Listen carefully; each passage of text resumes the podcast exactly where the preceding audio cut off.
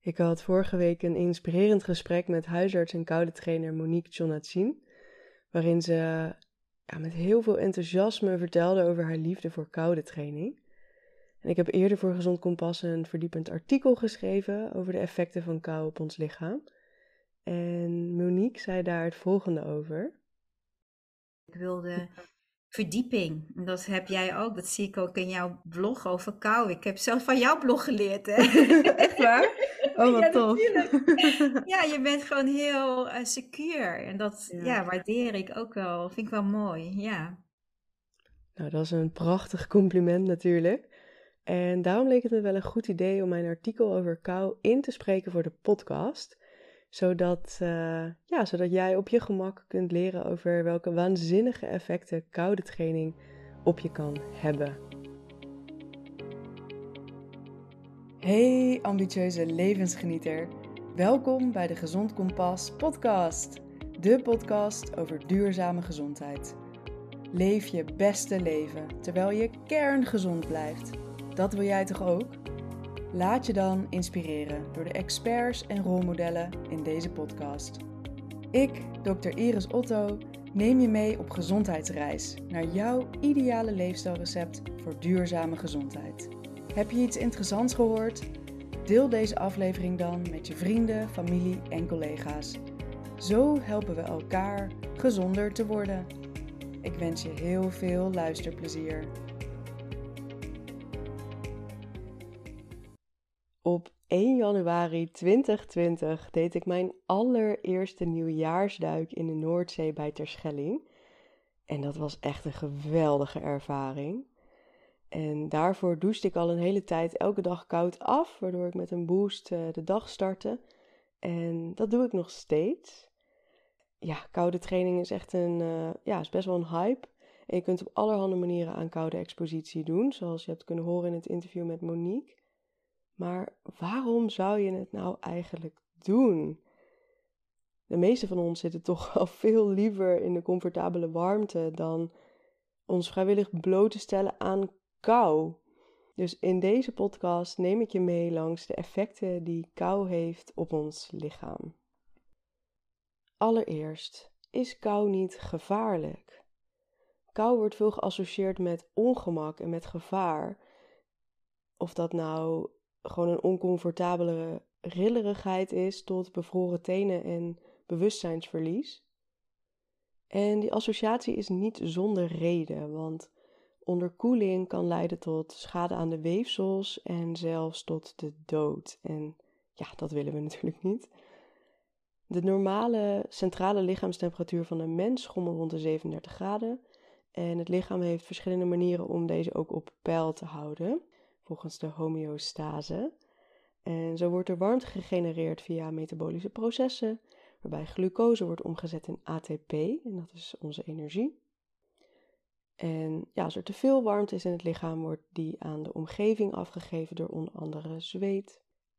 En bij blootstelling aan de kou zullen nou, de bloedvaatjes in je, in je handen en je voeten zullen vernauwen om het warmteverlies te beperken. En de bloedcirculatie zal zich dan ook gaan richten op die centrale vitale organen. Zo wat heeft nou echt energie nodig? En ook zal de huid zal gaan rillen uh, om juist warmte op te wekken. Maar bij langdurige extreme kou zal het lichaam niet in staat zijn om die centrale warmte te behouden. En dan kan het lichaam dus gevaarlijk gaan afkoelen. En er is sprake van hypothermie, dus onderkoeling, wanneer de temperatuur centraal in het lichaam onder de 35 graden Celsius zakt. En het wordt echt kritiek onder de 32 graden Celsius. En de vitale organen, zoals het hart, de nieren en de hersenen, kunnen dan niet goed meer functioneren. En zonder adequate therapeutische zorg kan er onomkeerbare schade of zelfs overlijden optreden. Dus in die zin is de kou zeker gevaarlijk. Maar toch heeft de kou ook een positieve kant, een hele positieve kant zelfs. En in de moderne geneeskunde wordt kou onder andere ingezet bij het verminderen van zwelling na een trauma, voor het bewaren, voor het preserveren van lichaamsdelen voor transplantatie en voor bescherming van de hersenen na een cardiovasculair of neurologisch incident. En kou werd zelfs al in historische teksten besproken als therapeutisch middel. En het zal je ook niet ontgaan zijn dat uh, Wim Hof, Nederlander, de kou samen met ademhalingstechnieken en meditatie inzet om zijn lichaam weerbaarder te maken en om bizarre prestaties te leveren, zoals um, het lopen van een halve marathon boven de poolcirkel op blote voeten en met alleen een korte broek aan. Nou, dat, uh, dat is wel echt een hele bijzondere prestatie. En uh, ja, zijn claims over die positieve gezondheidseffecten van kou worden de afgelopen jaren met toenemende interesse onderzocht door wetenschappers uit het buitenland, maar zeker ook uit Nederland. En zo heeft een onderzoeksgroep in het Radboud Medisch Centrum in Nijmegen zowel Wim Hof zelf als een groep uh, beoefenaars van de Wim Hof methode ingespoten met LPS. Dat is een bacterieel endoxine. En normaliter zou je daar echt een hevige, griepachtige reactie op verwachten. Maar die uh, Wim Hof uh, beoefenaars, die hadden weinig klachten. En er werd ook een verbeterde immuunrespons waargenomen in het bloed in vergelijking met een controlegroep. Ja, en daarmee is wel echt een hype losgebarsten rondom kou. Overal ter wereld nemen mensen nu koude douches of ijsbaden om hun gezondheid te versterken. En ja, hypes worden vaak uh, met uh, argusogen bekeken. En persoonlijk ben ik geen principieel tegenstander van hype, zolang je de achtergrond erachter maar begrijpt en weet waarom je bepaalde dingen zou doen.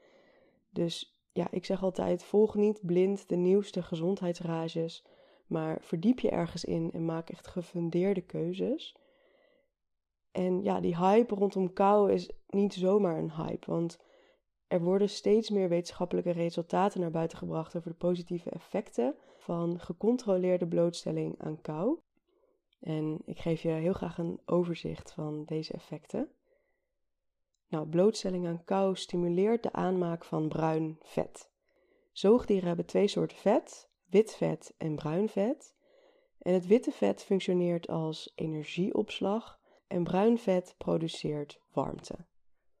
Nou, wit vet is dus onderdeel van het obesitasprobleem, dus daar wil je het liefst zo min mogelijk van hebben. Maar bruin vet daarentegen is een vetverbrander. Het bevat grote aantallen mitochondriën, dat zijn kleine energiefabriekjes in de cel, en deze energieproducerende organellen, zoals dat heet, bevinden zich in vrijwel alle cellen in ons lichaam. Maar het unieke aan de mitochondriën in bruin vet is dat deze een speciaal eiwit hebben.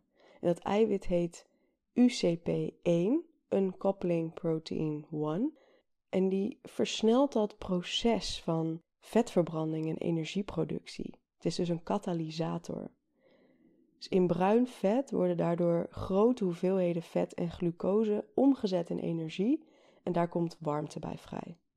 Nou, bruin vet bevindt zich voornamelijk rondom de wervels, de nieren, de sleutelbenen en de schouderbladen.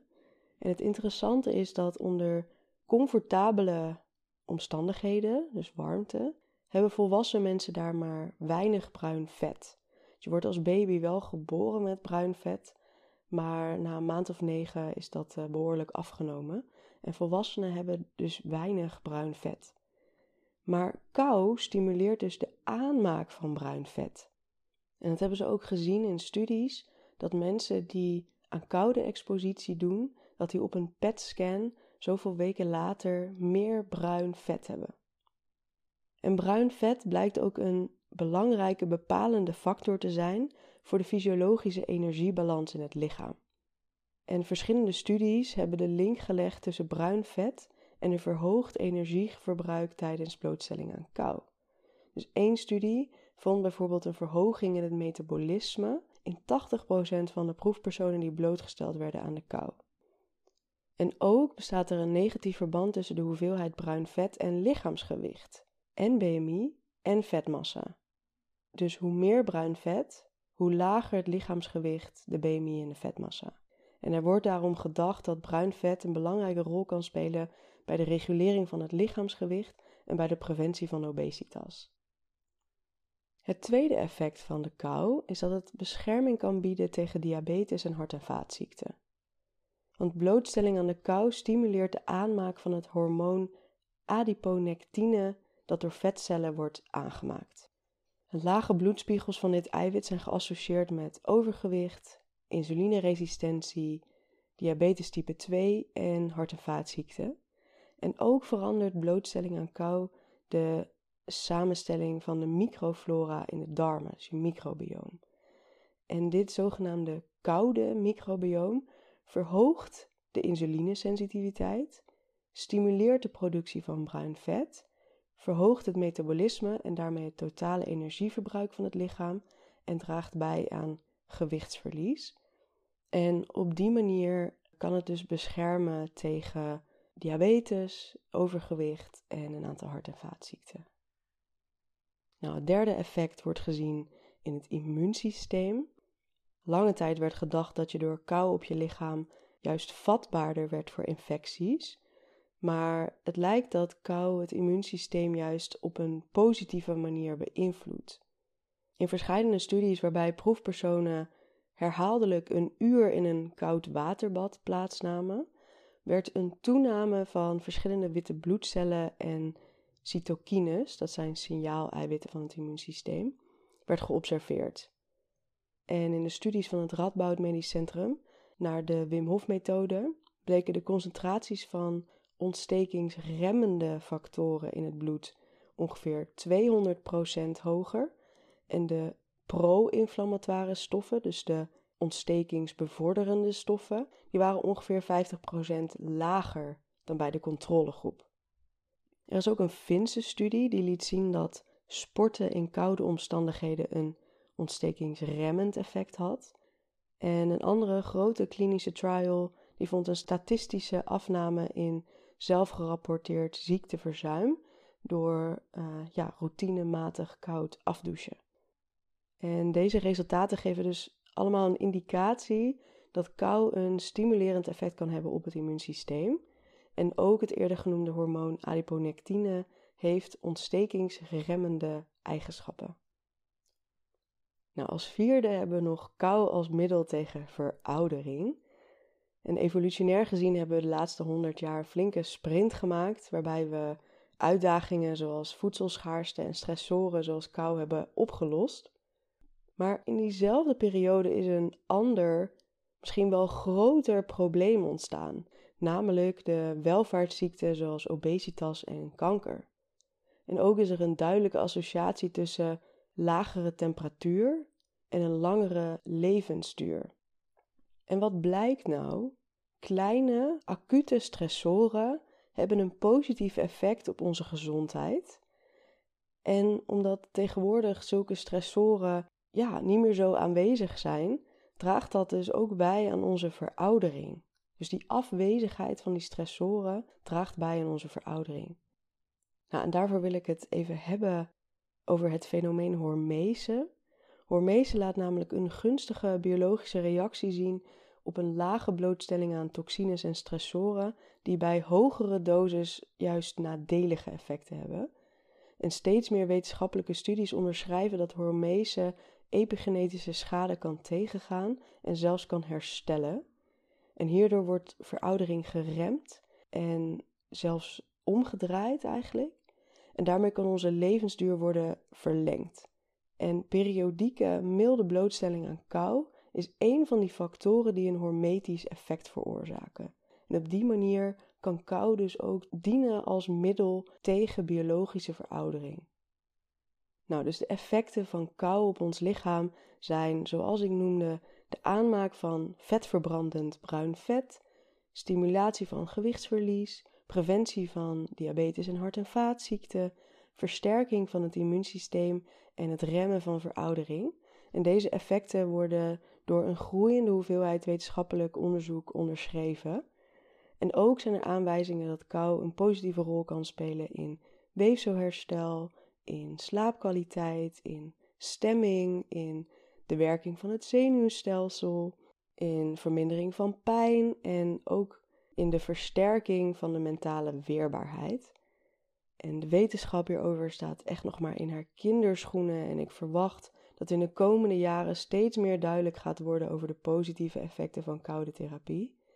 En in de tussentijd kan je zeker zelf die effecten gaan ervaren. Want ja, ik kan je vertellen dat het is eventjes doorbijten, het is even wennen, maar daarna voel je je echt fantastisch. Het geeft een enorme boost.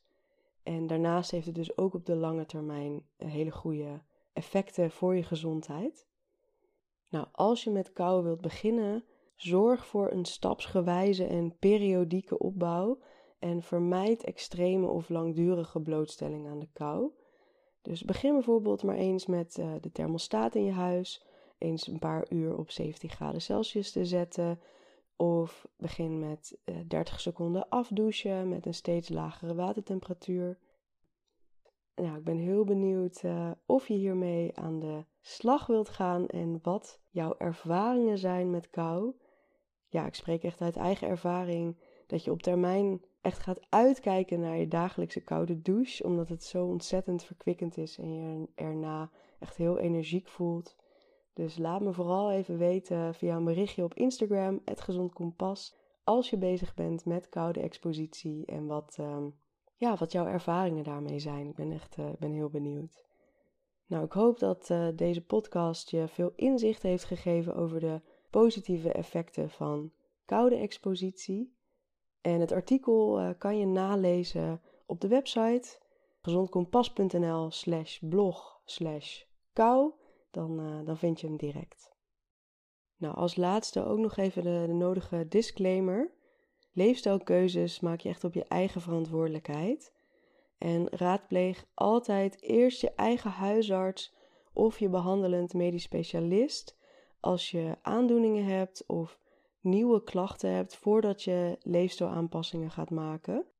Ik probeer natuurlijk zo betrouwbaar mogelijke informatie te verstrekken, maar ik kan via een blog of een podcast geen persoonlijke medische adviezen geven. In de show notes eh, zal ik ook nog even een linkje zetten naar de contra-indicaties en naar de koud douche instructie van huisarts Monique, zodat je op die manier eh, je goed eh, voor kan bereiden. Fantastisch dat je luisterde naar de Gezond Kompas podcast. Hiermee heb jij weer een stapje gezet richting duurzame gezondheid. Vond je deze aflevering nou waardevol? Dan zou ik het ontzettend waarderen als je een beoordeling achterlaat op Spotify of Apple Podcasts. Daarmee steun je de podcast en mijn missie om duurzame gezondheid te bevorderen. Wil je meer inspiratie? Vergeet je dan niet te abonneren op deze podcast. Ook vind je een schat van waarde op gezondkompas.nl en via Instagram @gezondkompas. Bedankt voor het luisteren en tot de volgende keer. Gezonde groet.